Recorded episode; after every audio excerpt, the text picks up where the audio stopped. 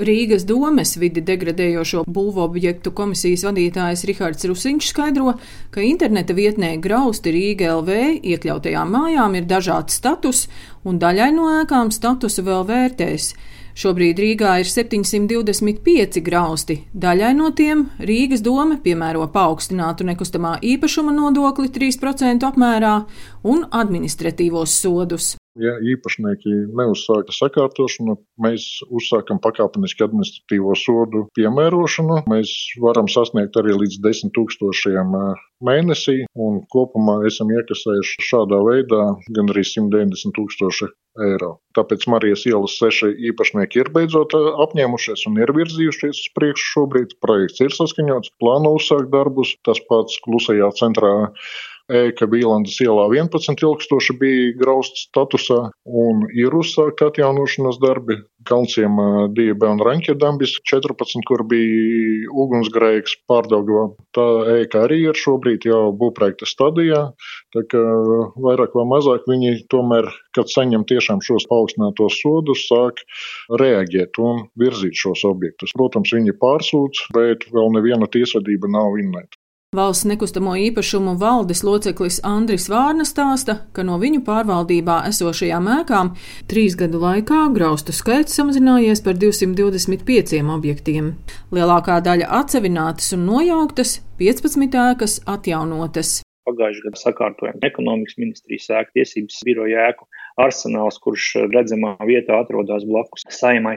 Tāpat arī Latvijas vēstures un kuģniecības muzejs, farmācības muzeja ēka arī, kas atrodas uz Vāgnerijas, arī ļoti redzamā vietā vairākas publiskās funkcijas nodrošināšanai domāts ēkas, nu, joprojām gaida savu pielietojumu lietotāju. Piemēram, Pils laukums 2 vai Kronvalda būrvals 6, kas ir eh, saistīts ar ēku Elizabetes 2 un rezervēts akustiskās koncertzēles attīstībai. Rikārds Rusiņš no Rīgas domas stāsta, ka privātpersonas pēdējo desmit gadu laikā sakārtojušas 1300 graustus, bet ēku atjaunošana norit ļoti ilgi, jo mainās īpašnieki un nomnieki, notiek ugunsgrēki un avārijas.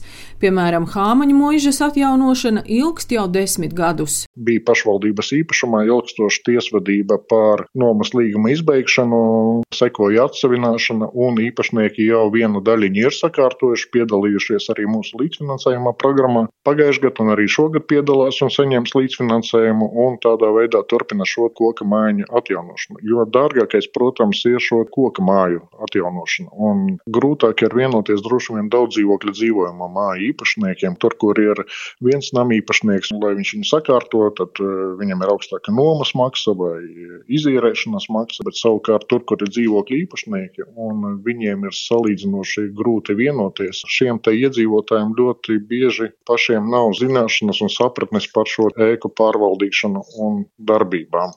Valsts nekustamo īpašumu valdes loceklis Andris Vārna vērtē, ka liela problēma ir dažādi juridiskie šķēršļi teiksim, zeme pieder mums īpašums, tā ēka pats grausts ir eh, citam īpašniekam, vai šis te īpašums ir kopīpašums. To mēs likumā noteiktā kārtībā kārtojam, lai pēc iespējas ātrāk tiktu vaļā no šīm īpašumiem. Jo rada katru gadu zaudējums, jo īpašums ir jāuztur, jāmaksā nodoklis, jārūpējās par īpašuma drošību un tā tālāk. Protams, ka jābūt arī kaut kādām sankcijām, Bet dažreiz juridiski šķēršļi, iespējams, pat uz doto brīdi nepārvarami kaut kādu iemeslu dēļ, jo varbūt tiesvedības, varbūt eh, īpašuma tiesības aizskarts. Tā kā tādas vienotas formulas droši vien šim nav. Jāskatās katrs īpašums atsevišķi un jāsadarbojas. Un, ja nesadarbojas, tad es pieļemu, ka kaut kādas iespēju robežās izmanto sankcijas. Rīgas domē gan pārmet, ka graustu status tiek piešķirts ļoti daudzām ēkām, un galvaspilsētā to skaits kopš 2012. gada dubultojies, bet Rīgas domes vidū vidi degradējošo būvobjektu komisijas vadītājs Rihards Rusiņš